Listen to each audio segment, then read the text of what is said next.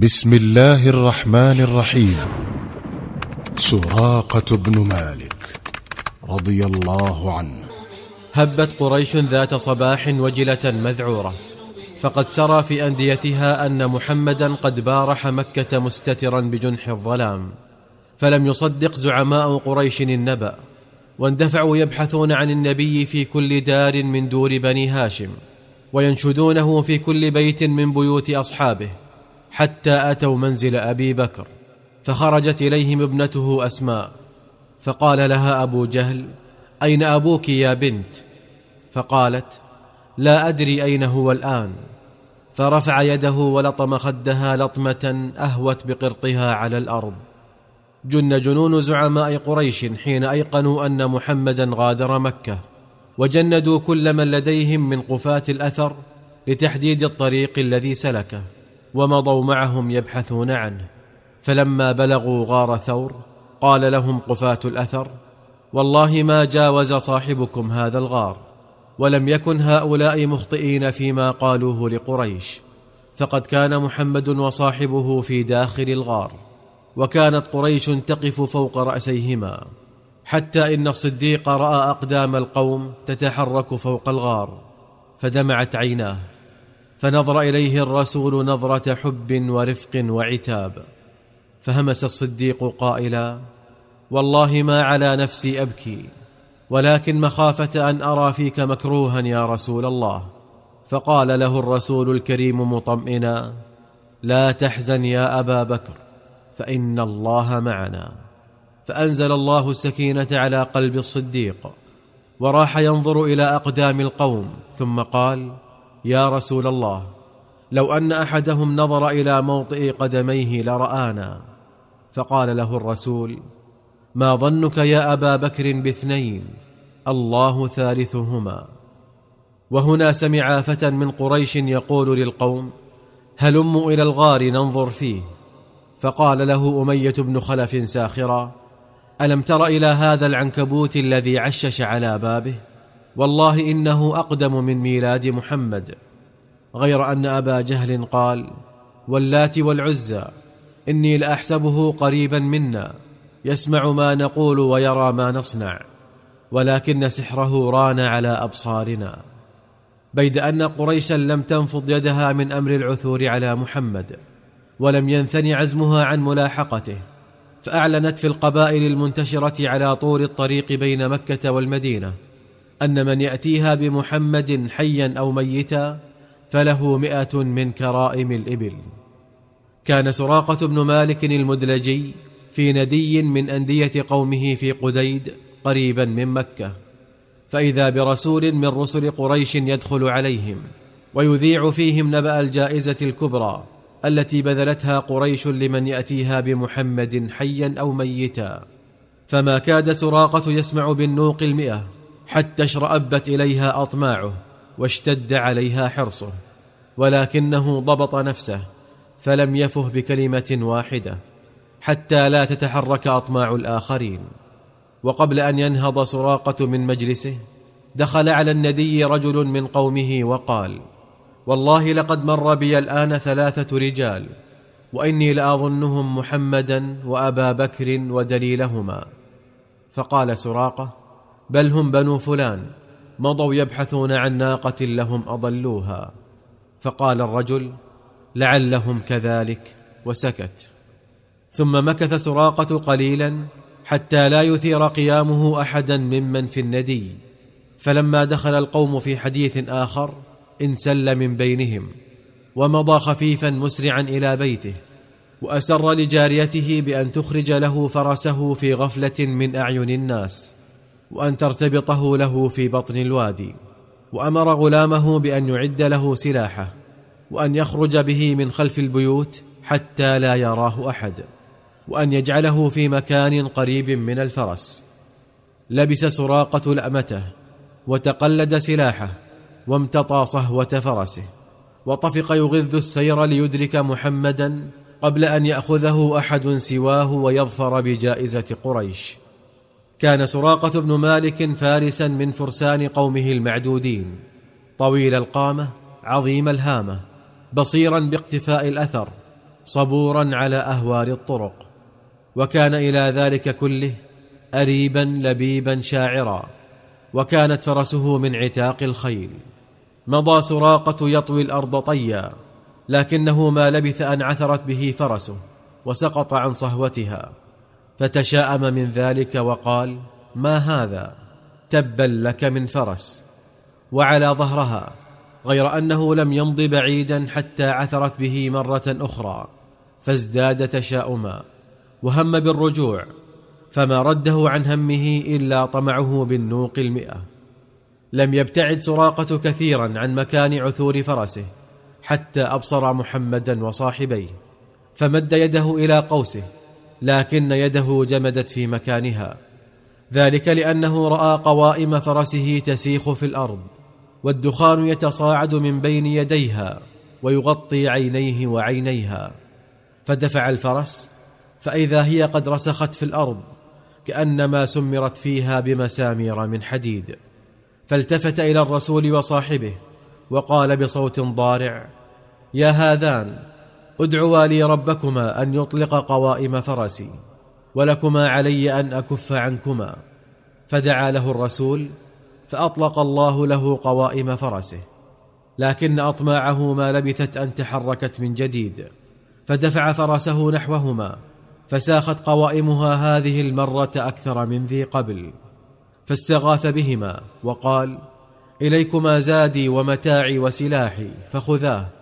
ولكما علي عهد الله أن أرد عنكما من ورائي من الناس. فقال له لا حاجة لنا بزادك ومتاعك ولكن رد عنا الناس.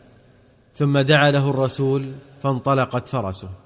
فلما هم بالعودة ناداهم قائلا تريثوا أكلمكم فوالله لا يأتيكم مني شيء تكرهونه.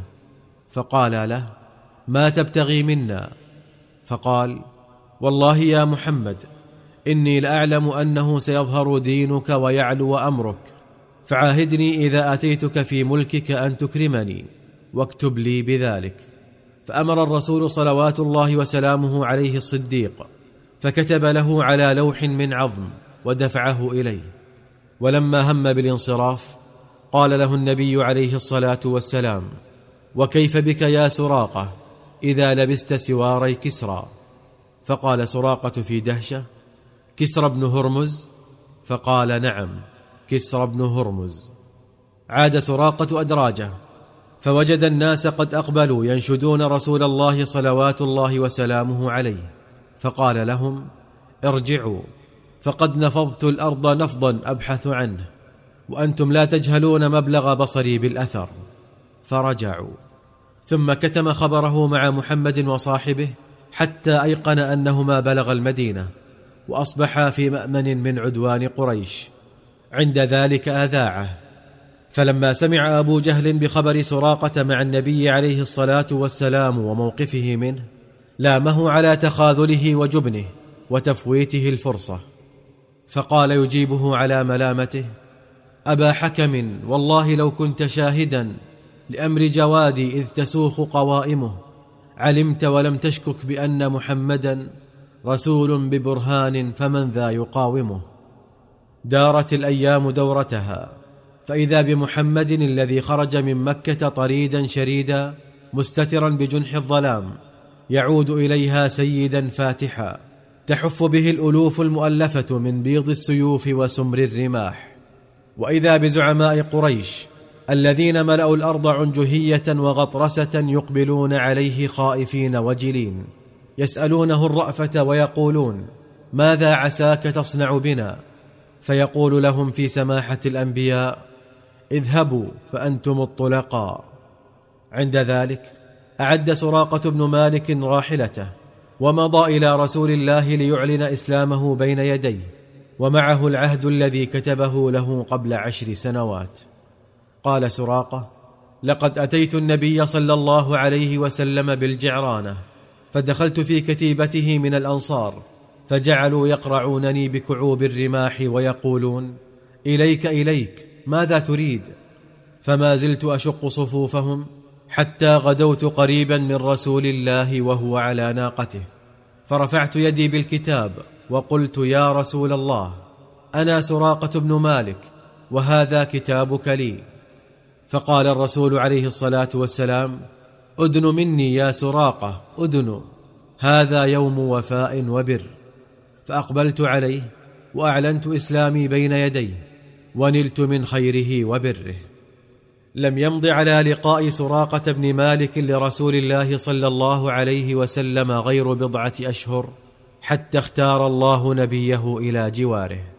فحزن عليه سراقة أشد الحزن. وجعل يتراءى له ذلك اليوم الذي هم فيه بقتله من أجل مائه ناقة. وكيف أن نوق الدنيا كلها قد أصبحت اليوم لا تساوي عنده قلامة من ظفر النبي. وجعل يردد قولته له كيف بك يا سراقة إذا لبست سواري كسرى؟ دون أن يخامره شك في أنه سيلبسهما.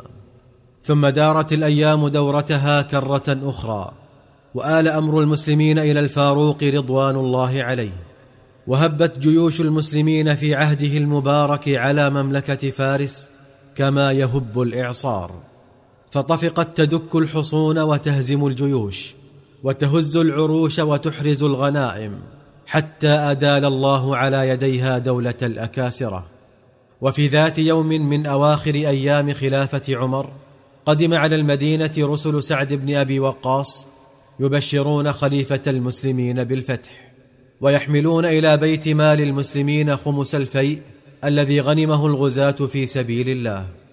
فلما وضعت الغنائم بين يدي عمر نظر إليها في دهشة. فقد كان فيها تاج كسرى المرصع بالدر وثيابه المنسوجة بخيوط الذهب ووشاحه المنظوم بالجوهر وسواراه اللذان لم تر العين مثلهما قط. وما لا حصر له من النفائس الأخرى. فجعل عمر يقلب هذا الكنز الثمين بقضيب كان في يده ثم التفت إلى من حوله وقال إن قوما أدوا هذا لأمناء. فقال له علي بن أبي طالب وكان حينئذ حاضرا إنك عففت فعفت رعيتك يا أمير المؤمنين ولو رتعت لرتعوا. وهنا دعا الفاروق رضوان الله عليه سراقة بن مالك فألبسه قميص كسرى وسراويله وقباءه وخفيه وقلده سيفه ومنطقته ووضع على رأسه تاجه وألبسه سواريه. نعم سواريه. عند ذلك هتف المسلمون الله أكبر الله أكبر الله أكبر. ثم التفت عمر إلى سراقة وقال بخ بخ. اعيرابي من بني مدلج على رأسه تاج كسرى وفي يده سواراه ثم رفع رأسه إلى السماء وقال اللهم إنك منعت هذا المال رسولك وكان أحب إليك مني وأكرم عليك. ومنعته أبا بكر وكان أحب إليك مني وأكرم عليك. وأعطيتنيه فأعوذ بك أن تكون قد أعطيتنيه لتمكر بي. ثم لم يقم من مجلسه حتى قسمه بين المسلمين. كيف بك يا سراقة إذا لبست سواري كسرى؟ محمد رسول الله.